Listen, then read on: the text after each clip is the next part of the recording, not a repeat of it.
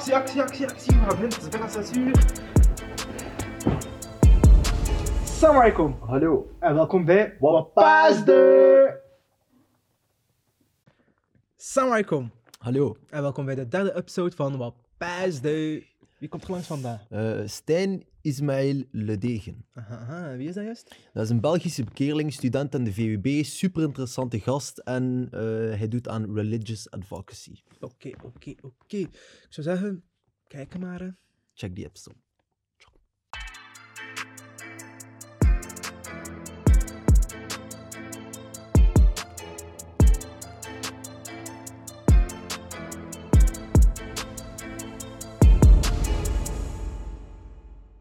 Assalamu alaikum. Dag Stijn. Walaikum salam. Goedemiddag. Of goeie avond, beter gezegd.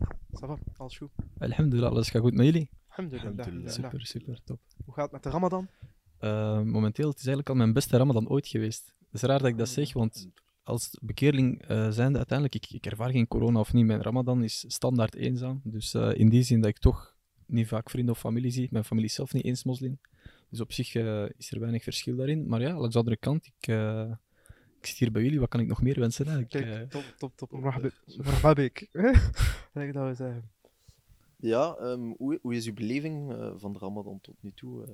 Eh, mijn beleving van de Ramadan. Ja, we zijn nu uiteindelijk nog maar een week ver. Ja. Maar in die week ver heb ik toch wel al redelijk veel kunnen doen. Ik probeer altijd mijn Ramadan zo productief mogelijk in te vullen. Niet enkel religieus, maar ook eh, zoveel mogelijk mijn normale levensstijl te behouden. Want veel mensen hebben vaak de neiging om eh, de hele nacht door op te blijven en uiteindelijk dan tot asser of zo te slapen. Ja. Voor de mensen die niet weten wat asser is, dat is eigenlijk het namiddaggebed. Maar dat probeer ik echt te vermijden, want ik heb gemerkt, eh, zeker de eerste keer toen ik, eh, allee, toen ik de eerste keer Ramadan had gedaan bijvoorbeeld, ja, dat is zo, weet je, wat nieuw, je weet niet dat je dat moet aanpakken. Maar toen dat Ramadan voorbij was, was dat echt een, een moeilijke opgave om terug dat ritme te, te veranderen. En zeker als student zijn, jullie studeren ook waarschijnlijk. Ja, Ja, Ik niet je- meer. Ik ah, nee? Oké. nee. Ja, als de examens komen, om dan uiteindelijk dat te combineren met dat ritme, dat is echt eh dat nefast. is waar. En zeker die, eh, excuseer, die Ramadans die zo in de zomer vielen afgelopen Ja. jaar. 40 graden, hittegolf. En, eh, en ook het tijdstip, hè. Het tijdstip. Ja. Nu valt dat nog mee. Kwart Ja. voor negen, dat is, dat is luxe bij wijze van spreken. Ik herinner me nog de eerste keer dat ik Ramadan deed, dat was echt om, om 11 uur of zo bijna. Ik was echt gewoon de, de Ja, tijd ja, aan, dat dat waar. ja, ik was echt aan het kijken op de seconde na wanneer kunnen we Ja. eten. Maar nu denk ik er zelf niet meer naar. Gewoon omdat ik met zoveel zaken bezig ben. Ik denk dat dat heel En belangrijk wanneer is. was het uw eerste Ramadan? Dat is al zeven jaar geleden Zeven jaar ondertussen. geleden. Zeven jaar geleden. Inshallah. Ja, de tijd vliegt. En hoe komt het? Je zegt, het is nog maar een week ver, maar hoe komt dat je zegt van, ah, het is mijn beste Ramadan tot nu toe? Eén, Eh, omdat ik mijn schema, mijn normaal schema, zoals ik al zei, toch zo goed mogelijk kan en probeer te behouden. Eh, twee, omdat mijn familie na zeven jaar, allee, dat mag wel na zeven jaar, eh, er ook veel meer begrip voor heeft. En... Maak ze herrera dan? nee, dat niet, dat niet. Ik, ik, ik warm nog steeds mijn, mijn eten op in de microgolfoven, maar tegelijkertijd is er zo een soort bewustzijn, weet je? En dat vind ik wel mooi. Eh, mijn vader vraagt mij niet meer om de tien keer, ja, maar waarom zit je nog wakker? Wat doet je om vier uur s'nachts eh, aan, aan de kookplaat en dergelijke? Ook mijn zus en mijn broer, ze respecteren dat. Dus we hebben echt een heel mooie familieband. Er is heel veel wederzijds begrip. Pas op, ook voor hun, hè, langs mijn kant. Ik vind dat belangrijk dat we elkaar tolereren waar nodig. Want uiteindelijk, in, in, ik, ik vergelijk mijn familie altijd op, eh, als kleine schaal zijnde met de samenleving waarin dat wij leven. Iedereen heeft andere, een andere ingesteldheid, iedereen heeft andere verlangens, iedereen heeft een ander geloof of visie op, over het leven. Maar op het einde van de dag, ook al gaat de ene zo en de andere zo, er is een gemeenschappelijk raakpunt. En het is Ja. beter om te focussen op die gelijkenissen dan op de verschillen. Dus daarmee dat de Ramadan eh, ja, nu heel goed verloopt. Zelfs mijn buren bijvoorbeeld, dat ik dan gedaan. Ik had dan eh, ter, eh, ter beginnen van de Ramadan geef ik altijd zo wat dadels aan de buren. Ook al zijn ze geen moslims. Ja. Ik probeer dat toch te doen uit eh, dawa ergens. Ik ga niet liegen. Om hun toch het besef te geven van oké, moslims, dat is niet zoals wij zien op de media. Dat is echt wel barmhartig zijn, vrijgevig zijn. En ja, zij, zij zelf, zij appreciëren dat ook heel hard. Ja. Dus ik probeer iedereen er echt bij te betrekken, ook al zijn ze misschien niet gelovig, om hun toch een soort Ramadan-gevoel ergens te geven. En dit jaar lukt dat beter als ooit. Dus Ja. daarom dat ik echt... En hoe hebben nu buren gereageerd? Ah, mijn buren. Ah, Die vielen even uit de lucht, die begrepen het niet goed. Zo. En, en zeker dadels, Belgen eten echt geen dadels. Weet je? Dat is het laatste wat ze gaan eten. Dus eh, Heb hij dat ook moeten leren eten? ja, toch wel. Ja? Toch wel. Vijgen en dadels, ik, eh, ik was daar echt geen voorstander Ja. van. Ja, ik ben opgevoed met, met cotodorkes, hè, met die chocolatjes zo. Ja. Dus om dan plots over te schakelen naar dadels en melk, dat is iets anders. Maar langs de andere kant, nu eet ik dat wel echt graag. En wat zijn uw favoriete dadels? Kijk, ik ben geen eh, expert daarin. Ik kan, ik kan niet echt eh, een merk zeggen, maar ik zou gewoon zeggen die droge dadels. Die grote, dikke, zo, die droge. En ehm, ja, het was, dat was dan nog... ehm je zegt, je buren zijn uit de lucht gevallen en... ehm, waren die dan aangenaam verrast ook? Of, of hoe hebben ze gereageerd? Voor de eerste keer zeg je dat ze Ja. anders of zo hebben gereageerd? Ehm, ik denk dat mijn enige buur eigenlijk niet goed beseft wat dat er gaande is. Dat ging zo te snel, dat was zo'n fractie van een seconde. Zo van, ah, oké, dat is, eh, ja, dank u, merci, eh, eh, ja, alleen merci, ja, ja. En, en dat is iets, weet je, die heeft geen vraag gesteld waarom en waar, zit, waar, waar staat de Ramadan voor en, en doe je dat elke dag en drink je zelf geen water. Dus die vragen komen niet aan bod. Echt gewoon, oké, dank u, merci. Die was een shock. Ja, voilà, die begreep het niet zo goed. De andere gebuur, ehm, die was relatief opener. Die vroeg wel, eh, in, allee, zo van, en hoe lang moet je dat dan doen? En eh, eh, wil je dat ook echt van jezelf? Natuurlijk wil ik dat van mezelf. Dat is het bewustzijn, hè, want Ja. mensen denken vaak van moslims zij volgen blindelingsregels. Ja. Maar dat is niet zo. Wij volgen niet blindelingsregels. Wij doen dat echt uit bewustzijn. Maar dat is even een andere thematiek ongeveer. Maar het is, het is ook omdat veel mensen denken dat islam een heel dogmatische religie is. Terwijl dat op zich eigenlijk niet... Allee, wij ervaren dat niet zo, laat ik het zo zeggen. Klopt, En het is ook niet te vergelijken met eh, dogma's bijvoorbeeld uit het christendom. Eh, ja, enerzijds heb je gelijk. Wij zoeken zelf naar de waarheid. En ik vind dat ook mooi wat dat je zegt, bijvoorbeeld. Ik bekijk het zo, hè. zeker toen ik nog niet bekeerd was. Nog steeds eigenlijk, ik blijf kritisch in de zin van, ik probeer altijd, als ik iets niet begrijp, daar wel een betekenis achter te zoeken. Ik accepteer niet zo'n regel, zomaar een regel, en, en denkende van, oké, dat moet. Bijvoorbeeld, als ik vraag, waarom bid jij? Ja, dat is een cruciale vraag. De salat is de tweede zuil van de islam. Waarom bid jij? En dan zoekt jij het antwoord. Allah subhanahu zegt in de Koran om weg te blijven van het slechte. En dan begint je na te denken, oké, ja, eigenlijk dat is wel zo. Want als je vijf keer per dag bidt, je kunt moeilijk naar een discotheek gaan als je in de avond je Isha-gebed hebt gebeden. En je kunt moeilijk iets slecht gaan doen als je net je gebed hebt verricht. Dus als je altijd een, een soort antwoord hebt op de cruciale vragen, en dat is het mooie aan de islam, er is ook altijd een antwoord. Dat is niet zoals in het christendom een zwevige gedachte, met alle respect, hè, pas op. Er was een tijd dat ik ook naar de kerk ging en ik vond dat ook een mooie religie. Maar de islam is gewoon het perfect, de perfectie van het monotheïsme, zoals we zeggen. Je bent dus eigenlijk gelovig opgevoed. Geloof nee, altijd- helemaal niet. Helemaal niet Allah helemaal zegt, ik ben naar de kerk geweest. Ja, maar dat was zo'n overgangsfase. Toen ik eh, van Bolivia terugkwam, was ik eigenlijk ja, naar religie aan het zoeken. Want religie had een heel positieve impact in Zuid-Amerika. Dat is niet zoals hier, waar dat religie altijd wordt gediaboliseerd en slecht wordt bekeken. In Zuid-Amerika is religie echt een onderdeel van de samenleving. En dat leeft daar heel sterk.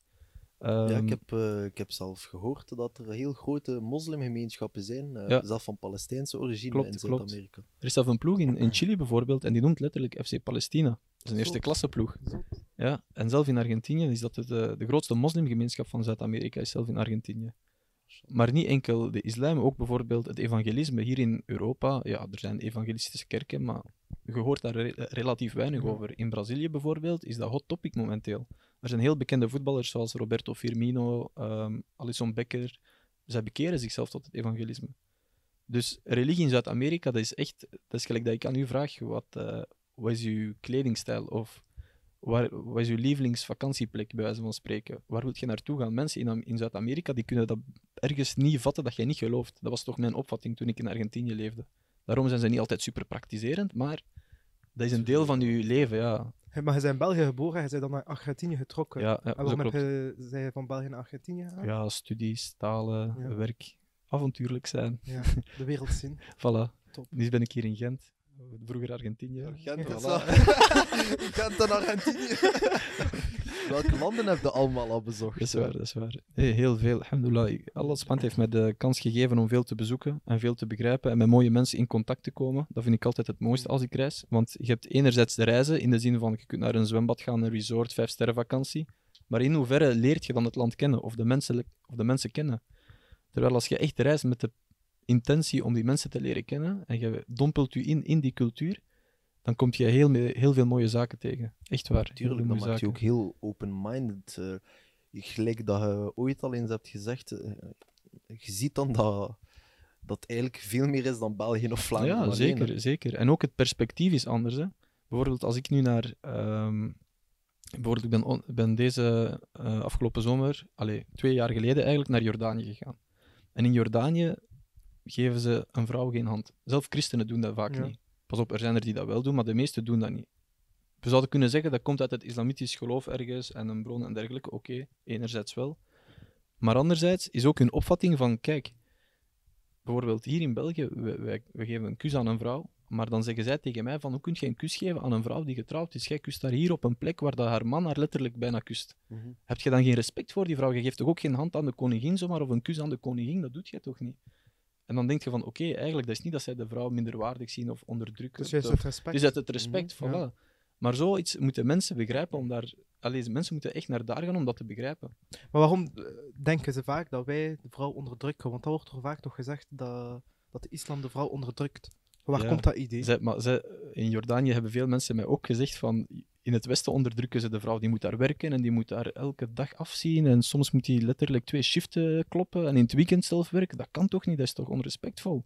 En dat, dat gaat toch niet? De man moet toch die verantwoordelijkheid nemen en dan moet je dat uitleggen. Ja, kijk, de perceptie is anders. Perspectief. Alles in het leven draait om perspectief. Wat voor u koud is, is voor mij warm. Wat voor u goed is, is voor mij slecht. Daarom is dat altijd moeilijk wanneer mensen zeggen van we gaan een consistente maatregel Ja. nemen. Je hoort dat vaak van de politiek we gaan die groep zo. En dit, wij, in het Westen, wij, wij werpen ons vaak op als de, de redder, de savior. We gaan Dat democratie. is inst- superioriteitsgevoel Ja. tot in bepaalde mate, Voilà. maar paternalisme dat er nog Ja. altijd in zit. eh, daar heb ik altijd heel moeilijk mee gehad. Ik ook, want uiteindelijk, als je bijvoorbeeld kijkt, toen eh, het Westen naar Amerika ging, wat zeiden zij toen over de Indianen? Amai, die zijn barbaars, die lopen hier naakt. Zo barbaars. Nu, 200 jaar later, als je zegt, ja, maar mijn dochter wil een hoofddoek dragen, oeh, ja, dat is echt barbaars, dat kan toch niet alleen, je bedekt je, kom aan. Hoe dat de perceptie is Ja, gedraaid in die ja. 200 jaar. En dat is niet enkel met dit, dat is ook met heel veel zaken. Hè. Zelf dat gegeven dat zij over Jordanië, dat is eigenlijk soms een, een cultureel principe dat verbonden wordt onterecht aan geloof, ehm, of, of terecht, maar ehm, dat zeggen? Ja, Ik begrijp denk ik wat dat je wilt zeggen. Laat me een voorbeeld Ja. geven. Hè. Ik had een heel goede vriend daar. Ehm, die had alles op orde. Die had een bedrijf, eigen tijara, eigen handelszaak, etc. En zijn vrouw die had eh, psychologie, master psychologie. Dus op zich een heel intelligente vrouw. Maar toch heeft zij nooit één uur gewerkt in haar leven. En op zich, de islam verbiedt ook geen vrouwen om te werken. Vrouwen mogen werken. Dat is een, een keuze dat ze zelf kunnen maken. Niet zoals hier vaak in het Westen, dat de vrouw moet werken om alles te kunnen betalen en de rente te kunnen, te kunnen betalen. Nee, nee, dat is daar een, een keuze vaak. Nu, maar die man liet dat niet toe dat zijn vrouw niet werkte. En ik vroeg hem dan waarom eigenlijk. Want je bent zo religieus en je weet even goed als mij dat dat van de religie wel mag. Wat houdt u tegen dat uw vrouw niet mag werken? Want ik begrijp het niet goed. En toen zei hij tegen mij van, kijk, je hebt gelijk religieus gezien, mijn vrouw heeft daar recht op, zij mag dat kiezen. Maar in onze cultuur, zegt hij, en dat begrijp je niet, want jij bent niet van hier, je bent buiten, bu- hij noemde mij een buitenlander. hij zegt, je moet dat zo bekijken, als mijn vrouw zou werken, dat zou schande zijn voor mijn familie. Die gaan zeggen dat ik mijn eigen vrouw niet eens kan onderhouden. Die gaan zeggen dat mijn eigen vrouw zich eh, het zwart onder haar nagels moet werken om, om ons huis te bekostigen en onze, onze kinderen eten te geven. Zeg, ik kan dat toch niet aan, mijn eer wordt daardoor geschaad, familiereputatie. Dus toen dacht ik van, oké, dat is gewoon cultureel, zoals je voilà. En veel zaken worden onterecht, eh, die cultureel zijn, geconnoteerd. Ja, aan, isla- klopt, aan de islam toegeschreven. En dat is bewuste propaganda ook ergens, denk ik. eh. Ja, sowieso. eh, we leven niet in het meest islamvriendelijke klimaat, zeker in het Westen. Het spijtige is, vanaf dat 9-11 is gebeurd, en je moet daarop letten, ik ben heel veel bezig met religious advocacy. Wat houdt dat vooral in? Het recht op eh, vrijheid van religie waarborgen in, een in Europa. Zeker in de doorgedreven secularisatie waarin dat wij vertoeven, is dat heel belangrijk, vind ik. En als je kijkt vanaf 9-11, dat is eigenlijk het moment dat er enkel over terrorisme werd gesproken. Ja. Daarvoor kan ik mij niet herinneren dat er iets van terrorisme was. Zelf die, Klopt. er waren wel af en toe ehm, gewelddadige feiten, bijvoorbeeld Israëlische atleten die in, in München werden vermoord, etc. Maar daar werd nooit echt de term terrorisme, terrorisme opgeplakt zoals de dag van vandaag. Dat was een groep, ja, Ja. eh gebrainwashed personen bij wijze van spreken, maar de ganse gemeenschap werd buitenspel gelaten. Dat is na 9-11 is dat helemaal veranderd. Nu moet er maar één moslim iets doen en de hele moslimgemeenschap wordt direct met de vinger Ja. gewezen.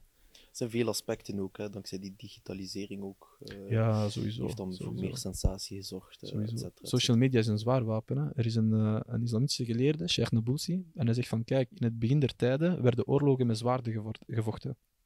En nadien werden de oorlogen met wapens uitgevochten.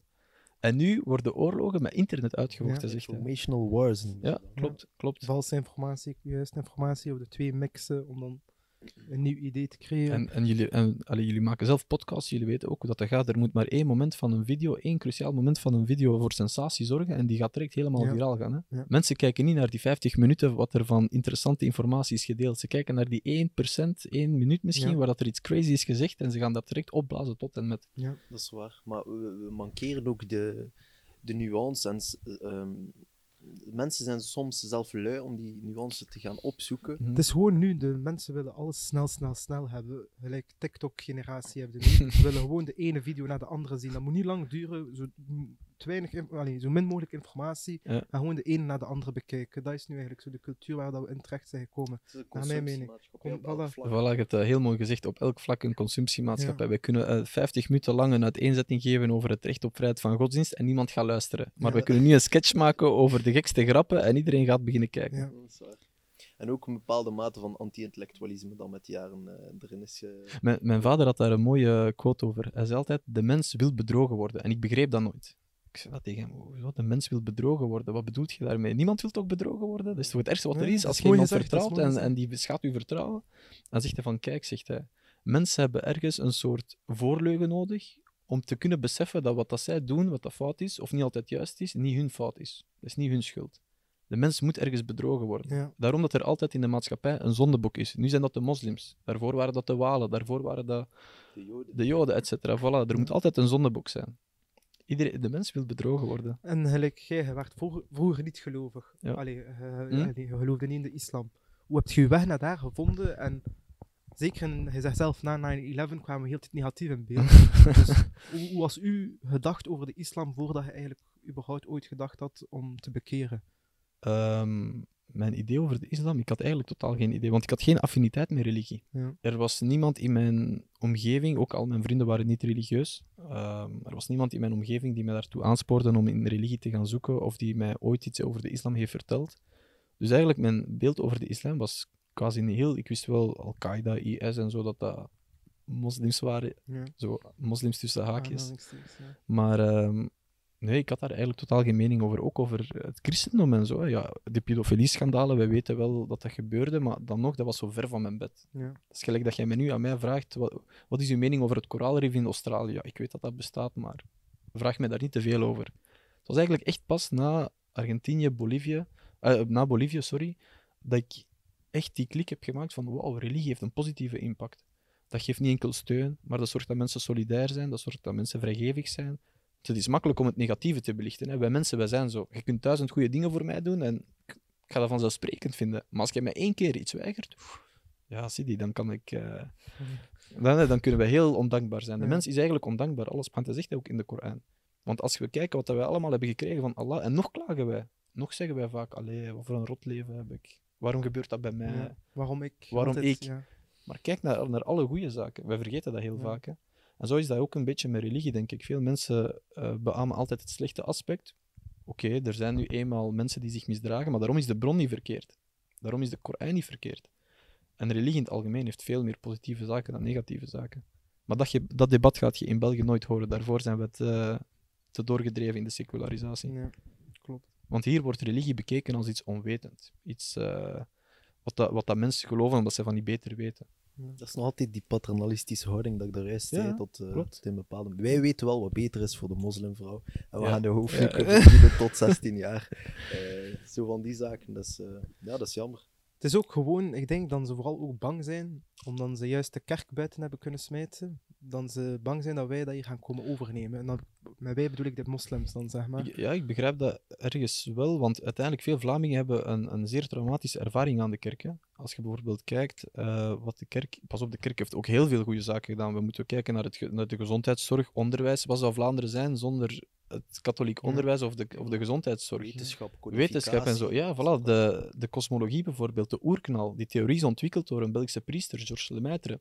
Past, eh, pastoor Daans van Aalst, dat Ja. was een volksheld. Pater Damiaan, dat is de grootste Vlaming aller tijden. Dat was de stemming daarover. Dus de katholieke kerk heeft heel veel goede zaken gedaan, maar tegelijkertijd waren er in die tijd, en waarom wij in de islam, we hebben geen machtsfabriek. Er is geen islamitische paus, we hebben dat niet. Ja. We hebben ook geen instituut zoals de kerk in de islam. Elke Maar zouden we dat moskee... eigenlijk niet moeten hebben? Eh, nee, ik vind van Dat is niet. gevaarlijk. Ik vind van niet. Ja, ik, vind, ik vind van niet. Pas op, er moet een structuur zijn, sowieso.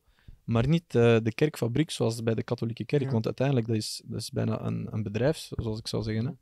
Als je gaat kijken, het Vaticaan en dergelijke, hoe dat, dat gerund wordt, dat is, dat, is een, dat is de beste handelszaak ter wereld. Het probleem is ook in de geschiedenis heeft het, eh, het Vaticaan of de paus eh, ja, zijn niet, niet altijd zo heilig geweest als, als nu vandaag de dag. Ze hebben heel veel inderdaad uitgestoken. Maar dat is ook het verschil met ons moslims bijvoorbeeld. Als jij nu bijvoorbeeld kijkt naar de katholieke kerk, hè, die verandert elke tien jaar van mening. Dan mag dat wel, dan mag dat niet, dan gaat dat binnenkort weer verboden zijn, dan komt er weer een, een encycliek van de kerk dat dat toch wel mag. Bij ons moslims is dat niet zo. Vanaf het begin tot het einde, onze standaarden blijven hetzelfde.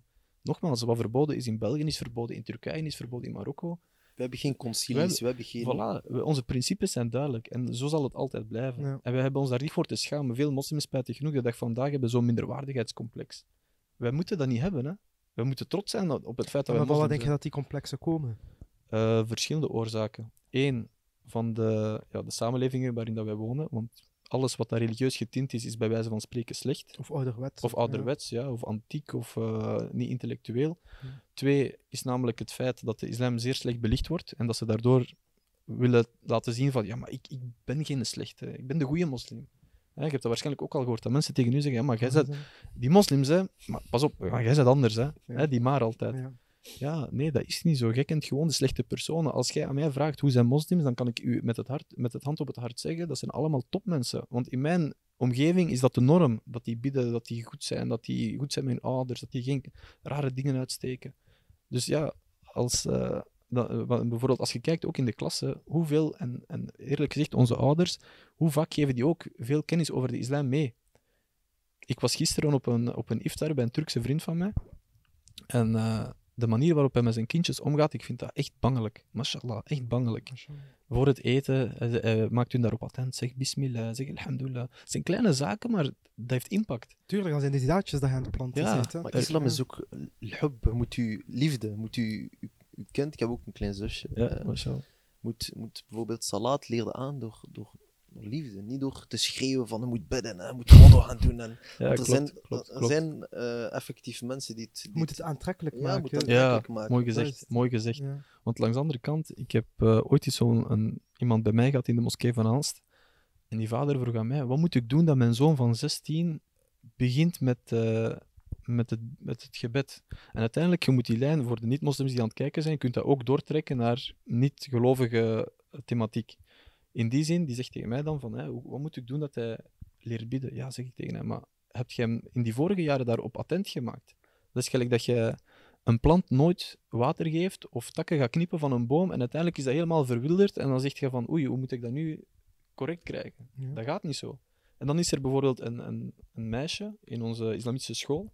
Zij is acht jaar, maar ze volgt al les met, met 12, 13-jarigen. En dan vraag ik aan haar van, van waar heb je dat allemaal geleerd? Je bent nog maar acht jaar, hoe, hoe heb je dat allemaal onthouden?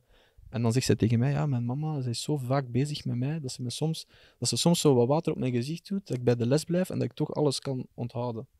Dus dat toont alleen al aan van, kijk, als je echt met je kind bezig bent en je wilt die bepaalde begrippen meegeven, levenswijze, of dat dan nu gelovig is of niet gelovig, je moet daar tijd in steken. Een kind is een product van zijn omgeving.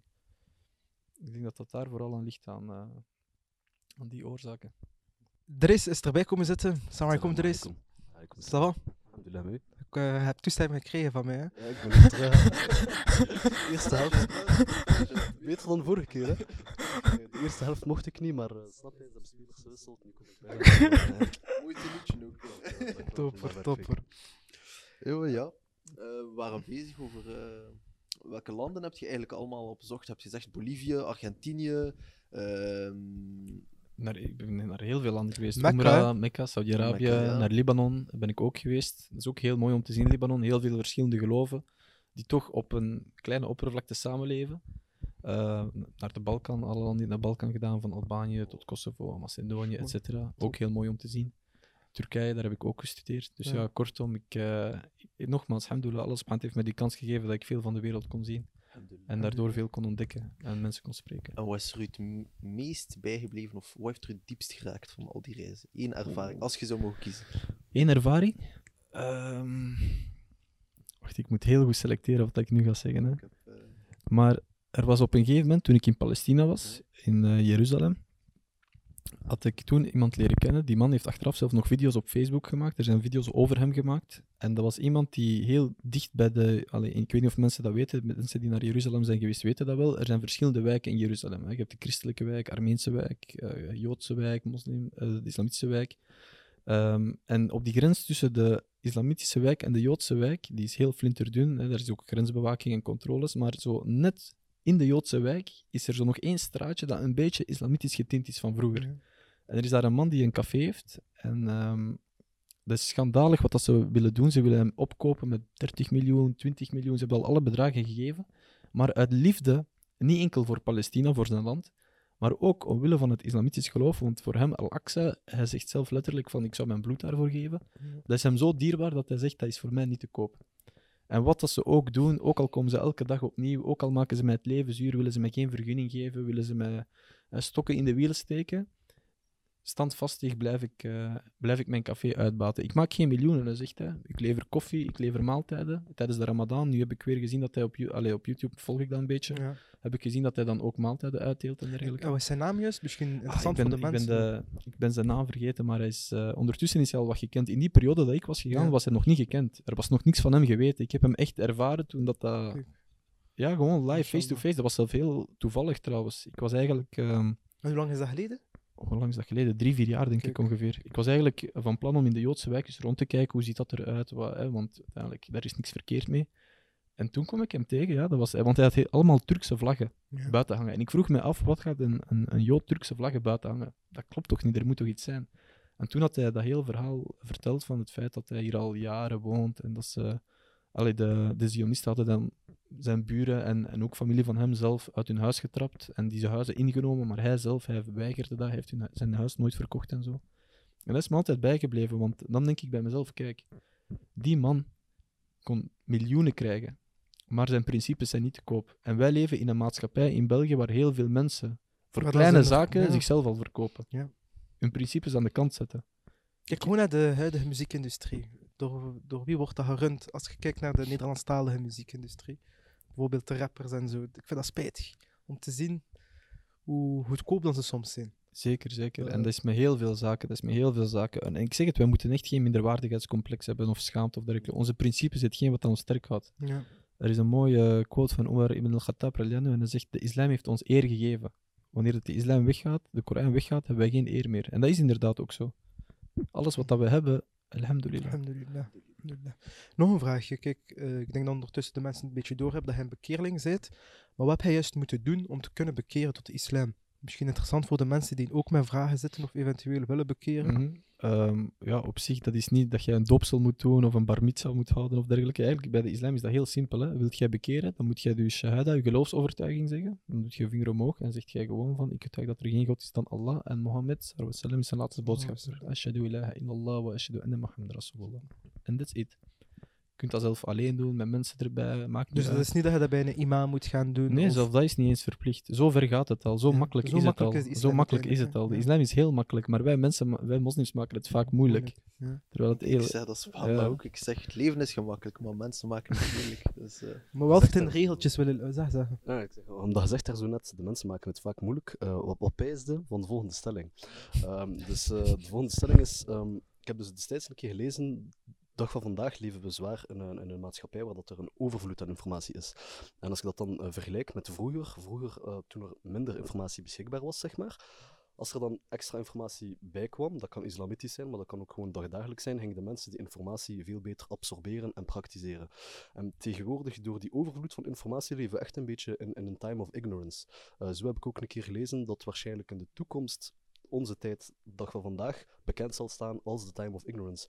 Omdat we een overvloed aan informatie Kijk, hebben. uitleggen hoe ignorance... Ignorance is om- niet uit- om- om- uitspreken. dat, je- dat je zelf kiest, je kiest eigenlijk zelf voor de onwetendheid. Je bent zodanig arrogant dat de informatie beschikbaar is, maar je neemt de tijd niet om die te gaan opzoeken. En dat is wel zo'n beetje heel kenmerkend voor, de, voor, voor wat we, allee, de tijd waarin dat wij vandaag leven, denk ik. Dat klopt. Eh, ja, daar zit zeker iets in wat dat je zegt. Sowieso, als er heel veel kwantiteit is, is de kwaliteit meestal lager. En als er weinig kwantiteit is, is de kwaliteit meestal hoger. Ehm, als je kijkt naar de geschiedenis zelf zijnde, wanneer hadden wij de meest donkere tijden in Europa? Dat was in de middeleeuwen. En nogthans, in de middeleeuwen, als je gaat bekijken wanneer dat de grootste... Dat was de gouden jaren. Ja, voilà. Dat was voor het Islamitische Rijk, was dat, waren dat de gouden jaren. Eh, wij hadden toen ook geen belemmeringen en dergelijke. Dat, ik denk dat dat ook heel belangrijk is. Deze dagen, ja, wat wordt er verspreid? Er zijn geen belemmeringen meer. Iedereen kan een mediaplatform opri- oprichten, iedereen kan een mediakanaal oprichten. Iedereen, als jij morgen zegt ik wil een krant oprichten, zo fijn, ga ervoor. Ehm, ik denk dat er ergens een grens moet gesteld worden gewoon. Want tegenwoordig heeft iedereen wel zelf politieke partijen, hun eigen mediakanaal en dergelijke. Ja, kijk naar Vlaams Belang. Die, die, die, dat schisma, zoals eh Dries, Dries zei, tussen objectief en subjectief nieuws is flinterdun geworden. Vroeger was dat niet zo. Vroeger had je een paar kranten, want ja, dat moest gedrukt worden. Er was geen eh, op de iPad Ja. een krant lezen, dat bestond gewoon niet. Dus je had sowieso al wat meer kwalitatiefvolle kranten, of kwalitatiefvolle, kwaliteitsvolle media. Maar ja, de dag van vandaag, al, er is zo'n overaanbod, zoals gezegd, waardoor de kwaliteit gedaald is. Hè. En objectief-subjectief, dat is heel moeilijk te vatten. Dat is waar. En in het dagelijks leven, met wat hou je bezig? In het dagelijks leven, met wat hou ik mee bezig? Ik probeer, ik probeer echt zoveel mogelijk productief te zijn. Ehm, zowel qua sport. Ik ga graag naar de fitness, zelf gaan lopen en dergelijke. Gewoon om even eh, mijn, eh, mijn gedachten te verfrissen. Wat doe ik nog? Ik eh, probeer altijd alles wat ik doe eigenlijk re- religieus of toch intellectueel in te vullen. Dat gaat niet enkel over boeken lezen, maar ook bijvoorbeeld eh, als ik dan in de auto ben, doe ik mijn AirPods aan en luister ik podcast. Nu van wat pijsde binnenkort waarschijnlijk. Ik heb Eh, laatst uw, uw uw post gezien dat je ehm, dat oud vrouwtje door het raam van uw werk die koffie ja, en, eh, ja, koekje ja. brengen. Geweldig. Maar subhanallah, dan de week dat, dat we toen, was twee weken Ja, ja, en klopt, dan, klopt, klopt. en heb je toch nog gevonden, hè? Ja, ik heb haar uiteindelijk gevonden. Alleen, ehm, het grappige was, zoals gezegd, dat zij, het moment dat ik dat wou doen, was zij echt geen enkele dag aanwezig. En het moment dat ik dan zei van, oké, weet je, laat het gewoon hierbij. Ik had een goede intentie, ik had, mijn- ik had mijn best gedaan. Was ze daar plots wel. Ik vond dat echt een heel schoon voorbeeld van, de, van, van die islamitische naastliefde. Ook al eh, was zij geen moslim, maar je kent haar niet. Je hebt wel de tijd genomen omdat je dacht van ja, de- die mevrouw is waarschijnlijk alleen. Je hebt die tijd genomen, ze is speciaal iets geweest gaan halen. En heel chic. Want zelf eh, bij, bij, bij mijn naasten, je, je ziet dat veel minder. Dat, dat de mens echt zo zijn eigen weg uitgaat. Om, om Zijn eigen weg cijfert, ja. Ik weet niet hoe dat, dat perfect verwoord. En die, en die vrouw had mij ook iets heel emotioneel verteld. Hè, ik vroeg haar dan van, "Wa- waar woont u? Woont u hier in de buurt of dergelijke? Ja, zegt ze, ik, woon hier, ik zit hier eigenlijk in een woonzorgcentrum. Ah, zeg ik tegen haar, een woonzorgcentrum? Want ik zie u er altijd alleen op dat bankje. Dan ga ik ervan uit dat uw kinderen, of uw broers of uw zussen, u vaak komen bezoeken. Ja, nee, zegt ze. Ik, eh, ik heb mijn zoon al lang niet meer gezien. En dan denk ik van, ah, dat zal door corona zijn. Maar dan zegt ze tegen mij, ja, nee, zelf met corona, zelf zonder corona, mensen komen mij, eh, mij amper bezoeken. Ze hebben me een beetje verwaarloosd, Ja. gelijk een plant. En dan dacht ik bij mezelf, maar dat is toch echt schrijnend. Eén moeder kan voor vier zonen zorgen en vier zonen kunnen niet voor één moeder zorgen. Zot, hè? Dat is Dat is crazy een heel gewoon. groot probleem in de maatschappij. Je ziet dat ook. eh. Eenzaamheid is een heel groot probleem. Echt waar. In de rusthuizen, in de rusthuizen bijvoorbeeld, ik, ik, ik merk dat, eenzaamheid is echt een heel groot probleem. En we onderschatten dat, want meestal denken wij, wanneer zijn wij in problemen als wij iets kwijt zijn. Ja. Hè, als wij iets materieel, materialistisch kwijt zijn. Oh, mijn auto, ik heb geen auto, dat is problematisch. Oh, ik heb geen iPhone, oei, wat moet ik nu doen? Maar eenzaamheid, dat is iets wat je niet kunt betalen. Een, een auto, je koopt dat, een gsm, je koopt dat. Maar eenzaamheid, je kunt niet zomaar een vriend kopen. Hè? En laat staan, als je een vriend hebt, dat dan oprechte vriend is. Dat is waar. Maar ik heb eh, Mooi zelf in het echt, ziekenhuis gewerkt en dat was heel, heel schrijnend. Ik heb op eh, een afdeling gewerkt waar veel oude mensen lagen. En gewoon die vijf minuten of tien minuten, soms bleef ik een half uur plakken. Ehm, maar ja, die, die fleurde volledig op. er Klopt, werden andere personen die vertelden ook verhalen uit het rijke verleden van Gent. Of, dat is, dat is, allee, ehm, het zou wijs zijn moesten we daar in de toekomst misschien wat meer mee kunnen doen. Of, of die mensen wat meer kunnen bezoeken. Of, of toch eh, dat gevoel van eenzaamheid verminderen. hè. Want allee, dat is niet meer de uitzondering. eh. Nee, zeker. Spijtig genoeg. Spijtig genoeg is dat niet meer de uitzondering. Dat is nu echt een, een groot probleem. En dat zijn de mensen die in de rusthuizen zijn. Laat staan de mensen die echt alleen nog wonen en echt effectief niemand hebben. Hè. Dat, is, eh, allee, dat, is, dat is echt hartpijn gewoon. Hartpijn. En je zei net dat je naar podcast, allee, in je vrije Ja. tijd dat je op- naar een podcast luistert, dat je sport. Ja. Eh, werkt je of studeer je ook hiernaast nog? Ja, ik studeer nu aan de VUB. Dat is mijn laatste jaar, internationaal en Europees recht. Dus normaal gezien studeer ik dit jaar af. Eh, tegelijkertijd schrijf ik ook vaak columns of artikels, zowel voor binnenlandse als buitenlandse media. Meestal gaat het over de strijd tegen islamofobie, Ja. religious advocacy. Ehm, en ja, daar probeer ik mij hoofdzakelijk op te focussen. En niet te vergeten, natuurlijk, ook in onze gemeenschap in Aals probeer ik echt veel te, te doen voor onze moskee. Want ik denk, en dat dat ook wel belangrijk is, we kunnen zoveel doen als we willen, hè, van in Antwerpen tot Gent tot Brussel, maar Ja. alles begint bij onszelf. We moeten eerst onszelf veranderen voordat wij iets anders kunnen doen. Er is ook een trucs gezegde waarin dat eh Rumi zegt van ja, vandaag ben ik slim en wil ik de wereld veranderen. En morgen ben ik wijs en wil ik mezelf veranderen. En in- ook in de Koran staat er een soort gelijk, is er een, een soort vers wat dat zegt. Allah subhanahu wa ta'ala zal de situatie van een volk niet veranderen vooraleer dat zij zichzelf niet veranderen. Dus ik denk dat we elk van ons moeten kijken, eerst in onze familie, dan in onze vriendengroep, dan in onze lokale Ja. moskeeën. En dat we dat dan zo naar boven werken. Inderdaad, een eh, inside-out benadering. En mijn vader heeft mij Ja.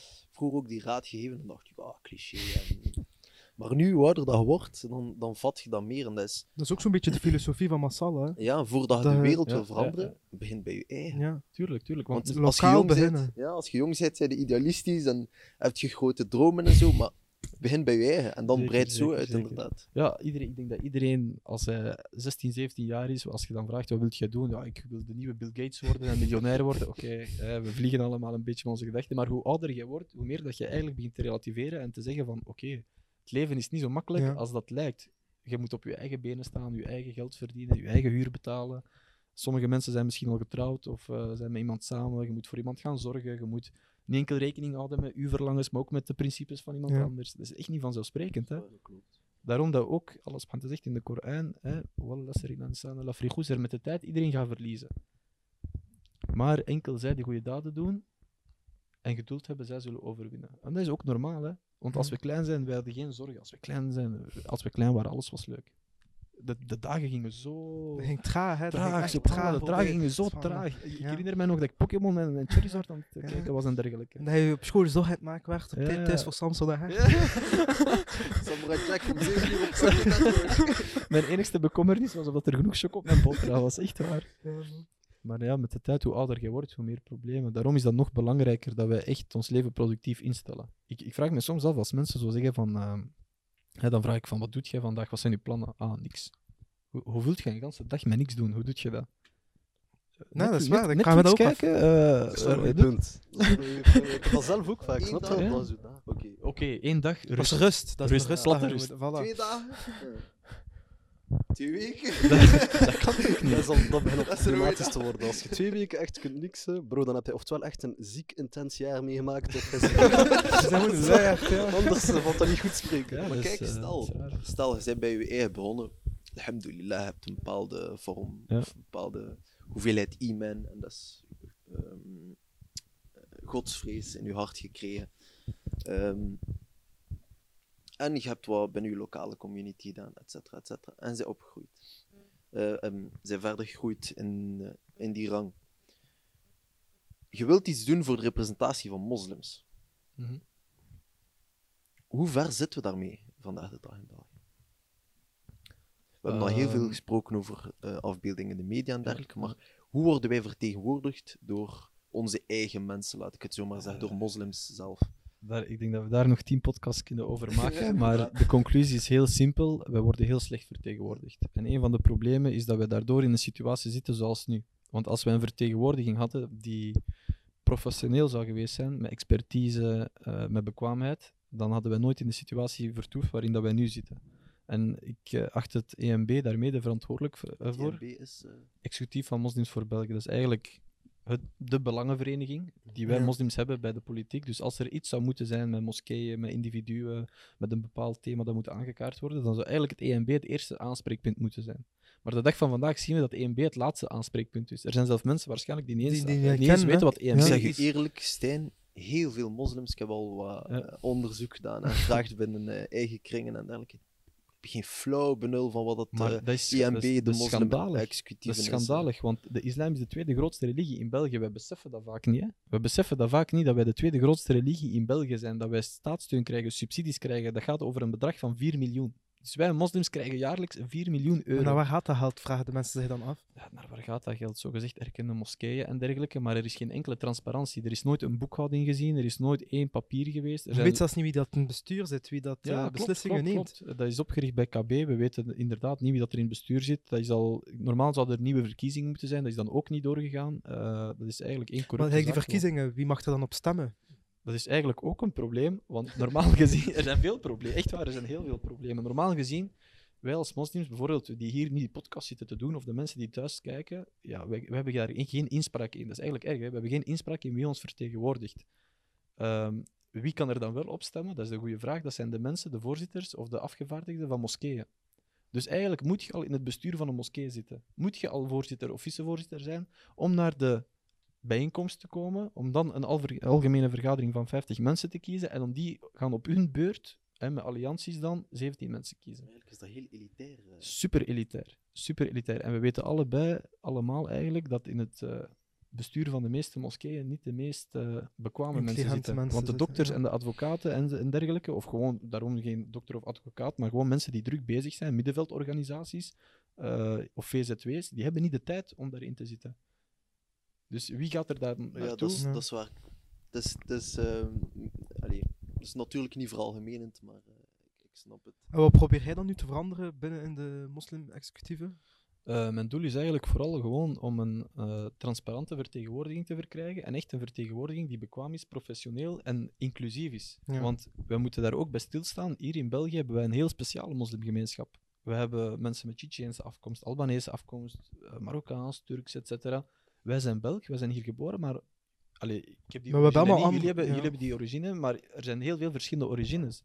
Er is eh, de Somalische gemeenschap bijvoorbeeld ook een heel grote gemeenschap. Die hebben geen enkele inspraak in een of ander islamitisch beleid. Hè. Kijk. Zelfs niet eens het CIB, een soort ja, onderorganisatie die uiteindelijk ook via via een soort lange arm is van het. Die- Geen enkele. Dus dat moet veranderen de dag van vandaag. We zitten nu in een fase, en daarom denk ik wel dat dat moet veranderen ook. We, zitten, hè, we hebben Black Lives Matter gehad, MeToo. Eh nu zitten we ook in die fase waarin dat, dat wel kan. We zien dat er heel veel zaken kunnen die vroeger totaal onbespreekbaar waren. Dus laat ons hopen dat we nu ook die periode kunnen gebruiken om dat er echt door te duwen. Want zolang dat wij geen vertegenwoordiging hebben, gaan we nooit echt eh, problemen kunnen oplossen. waar, we hebben heel veel aantijgingen gezien. Hè? Niet transparant, eh, zelfs spionage hebben we Ja, ja, gehoord. eh, heel veel zaken. Dus, Het is ook niet de bedoeling om, om een oorlog te starten. Ik wil ook niemand persoonlijk beschuldigen, maar ik zit zelf in de moskeewereld. Ik ben zelf betrokken bij bestuurs- en, en beleidsfuncties. dus ik weet zelf uit ervaring wat voor problematiek dat er is. Hoe kunnen we eigenlijk, je hebt het ongeveer al gezegd, maar hoe kunnen we beginnen met eerste stappen te zetten voor die ehm goede representatie van onze diverse moslimgemeenschap? Ja, ik heb daar een ganse visietekst over geschreven ook. En in mijn visietekst bijvoorbeeld, als het gaat over de verkiezing van een EMB, dan denk ik dat er een soort eh, kiescommissie moet zijn, maar tegelijkertijd ook dat andere mensen inspraak hebben, jongeren, VZW's, middenveldorganisaties. Daarom dat er eigenlijk een CIB in der tijd is opgericht. Dat is eigenlijk een orgaan waarbij dat zogezegd de islamitische VZW's of middenveldorganisaties zouden moeten zijn aangesloten, zodat zij ook hun stem vanuit de onderbuik van de islamitische samenleving kunnen geven. Wel belangrijk is, want Tuurlijk, niet enkel tuurlijk. de moskeeën vertegenwoordigen ons. Hè, VZW Massala heeft waarschijnlijk veel meer impact in de Brugse Poort dan de lokale moskee hier zelf. Eh, op, op, op een bepaald niveau ja, toch ze zijn elk belangrijk op hun ja, aspecten voilà, voilà, natuurlijk. klopt, Dat klopt. is het je hebt ze allebei nodig. Ja, Je hebt ze allebei. Het is niet een verhaal van of-of, het is een verhaal van en-en. inderdaad, want we slaan de handel in elkaar. Moskeeën en middenveld, eh et cetera, die, die moeten samenwerken. En dat is wat we daar juist ook hebben aangeklaagd. Mhm. Hè, is dat er geen degelijke infrastructuur is van de, van de moslimgemeenschap. ehm, zowel op, op lokaal vlak als op, op nationaal vlak, zoals we nu aan het bespreken Wat zijn. denk ik ook vaak het probleem is, en dat zijn dan buitenstaanders, die denken dat moslim zijn, dat dat een, ident allee, het is een identiteit, mensen identificeren zich daarmee, Mhm. maar vaak denken ze dat dat ook iets cultureel is en denken ze dat dat dan een land is. Ja. maar, snap je? Je bent Klopt, moslim, je komt allemaal van hetzelfde. Iedereen denkt hetzelfde, iedereen is hetzelfde. klopt. Terwijl dat wij zoveel verschillen en zolang dat wij onderling niet overeenkomen, dat we eigenlijk niet moeten verwachten dat de buitenwereld eigenlijk moet gaan, Dat is echt. gaan Tuurlijk. denken dan dat wij, dat wij vooruit gaan komen. Tuurlijk. Allee, ik bedoel, ik ben woordvoerder van onze lokale moskee in Aalst. Vroeger noemde dat de Marokkaanse moskee. Maar nu noemt dat Islamitische Culturele Vereniging. Waarom? We willen dat zo breed mogelijk houden, want de mensen die komen, dat is zo divers, dat is... Allee, alle nationaliteiten en origines zitten daar. Dus als ik als woordvoerder naar het stadsbestuur ga, dan ga ik me nooit representeren als de Marokkaanse moskee of de... Nee, ik zeg gewoon onze islamitische gemeenschap. En ik denk dat dat ook zo moet zijn bij de mensen bij het EMB, die moeten garant staan voor de Belgische moslimgemeenschap. Niet voor hun origine, niet voor hun land van Ja. herkomst, de Belgische moslimgemeenschap. Want wij zijn degene die de gevolgen van hun beslissingen dragen. Hè? Wij zijn degene die dat ondergaan. De laatste jaren hebben wij onze rechten zien inperken op een abnormale manier. Hoofddoekenverbod, halalslachten dat niet meer mag. Ja, als je geen weerstand biedt, want we denken altijd van, en ik heb dat ook heel vaak gemerkt bij de oudere generatie, die denken vaak van, als ik niks zeg, laten ze mij wel met rust. Dan, dan, dan gaan ze me niet aanraken. Het is net omdat je niks zegt, dat je gaat in de... Dat ze blijven pakken. dat je, voilà, Ja. inderdaad. Omdat je geen weerstand biedt. Dat is toch bij ons ook zo. Als jij op school met iemand in je klas zit en je daagt die uit en je ziet dat die heel boos reageert, dan denk je bij jezelf, oké, ik ga die nooit meer lastigvallen, want die gaat me heel Klopt, anders ja, een, een lap geven dat ik niet goed ga zijn. Ja, er zijn mensen die daarop kikken. AKA rechts. eh, AKA van eh, als je. ehm, eh, het zijn mensen die kikken net op die reactie. En dan gaan die net die persoon blijven pesten, snapte? Ja, maar als die persoon één keer flink uithaalt, die personen gaan dat niet meer doen. Ja, Die personen gaan dat niet meer doen. En dat is het probleem bij ons moslims. We hebben dat te ver laten komen. We hebben dat veel te ver laten komen. Maar ja, kijk, het, eh, het, is, het schip is nog niet gezonken, zou ik zeggen. We leven nog steeds in een rechtsstaat. We hebben ook in Europa het EVRM, we hebben nog steeds onze rechten en dergelijke. We moeten ook eerlijk zijn. Uh, op vlak van godsdienstvrijheid moeten wij inperken, maar dan hebben we het ook weer goed langs de andere kant. Hè. Gezondheidszorg, onderwijs, dat mogen we zeker niet klagen. Integendeel, Zeker, moeten we echt dankbaar zijn. moet- Ja, zeker. moeten eerlijk zijn, hè? België is een van de beste landen in Europa. Of het Zeker, beste zeker, land voor zeker, mij zeker. Nee, ik, eh, ik, ik wik het en weeg het altijd, maar op islamitisch vlak moeten we echt wel eh, Ja. gaan veranderen. En dan heb ik nog een laatste vraag, en dan gaan we denk ik afronden. Het is eh, bijna iets tijd. Ik krijg dat tot hier al. Maar het is de laatste vraag. Kijk, het is de maand Ramadan.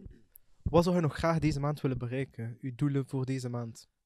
Goh, ik ben hier al op een podcast met wat pijs. Ik bedoel, Alles is bereikt. Doen we maar eh, om toch verder te gaan, eh, wat zou ik nog willen bereiken deze maand? Eh, ik zou mijn charity projects willen afwerken, waarbij de kwetsbare instellingen een hart onder de riem kan steken met onze islamitische gemeenschap uit Aalst. Gevangenissen, weeshuizen, ehm, noem het op, rusthuizen. Dat we die echt de islam kunnen tonen met het gedrag en niet enkel met woorden. Ja. En twee, wat ik ook wil doen, is echt ehm, ervoor zorgen dat ik een, een soort weerklank kan bieden tegenover het, tegen het islamofoob. ehm, het, ja, ja. Ja, ik- geschreeuw, ja, ik wil het niet zo hard zeggen, maar laat het ons dan zo uitdrukken: islamofoob geschreeuw in België, inderdaad. Heb je nog een boodschap voor de kijkers? Eh, voor alle mensen die aan het kijken zijn, zou ik zeggen van eerst en vooral abonneer en like ja, wat pijsde. Vervolgens zou ik zeggen, of je nu moslim bent of niet moslim, of gelovig of niet gelovig, we zijn allemaal mensen, maar op zijn minst tolereer en respecteer elkaars vrijheid. Want er, zoals een, een filosoof ooit zei, mijn vrijheid stopt waarbij de, waar de vrijheid van de andere eindigt. Probeer met elkaar om te gaan gewoon op de beste manier. Als er iets niet duidelijk is, in de plaats van direct te fulmineren of te klagen, spreek die mensen aan, ga in conversatie en enkel zo gaat je elkaar kunnen, kunnen begrijpen. Voilà, hebt gehoord. Only love and positivity. Topper. Shokran, shokran bezef. Thanks. Dat was het dan. De derde episode van Wat Pijzen zit erop. Maar vond ervan? Gataar. Vergeet zeker niet te liken, te abonneren, te delen. Alle links staan in de description. Voilà, en wij gaan nu iftar gaan eten. Ja, Of nee, Skander, hij gaat afsluiten. Herrera staat klaar. Ciao.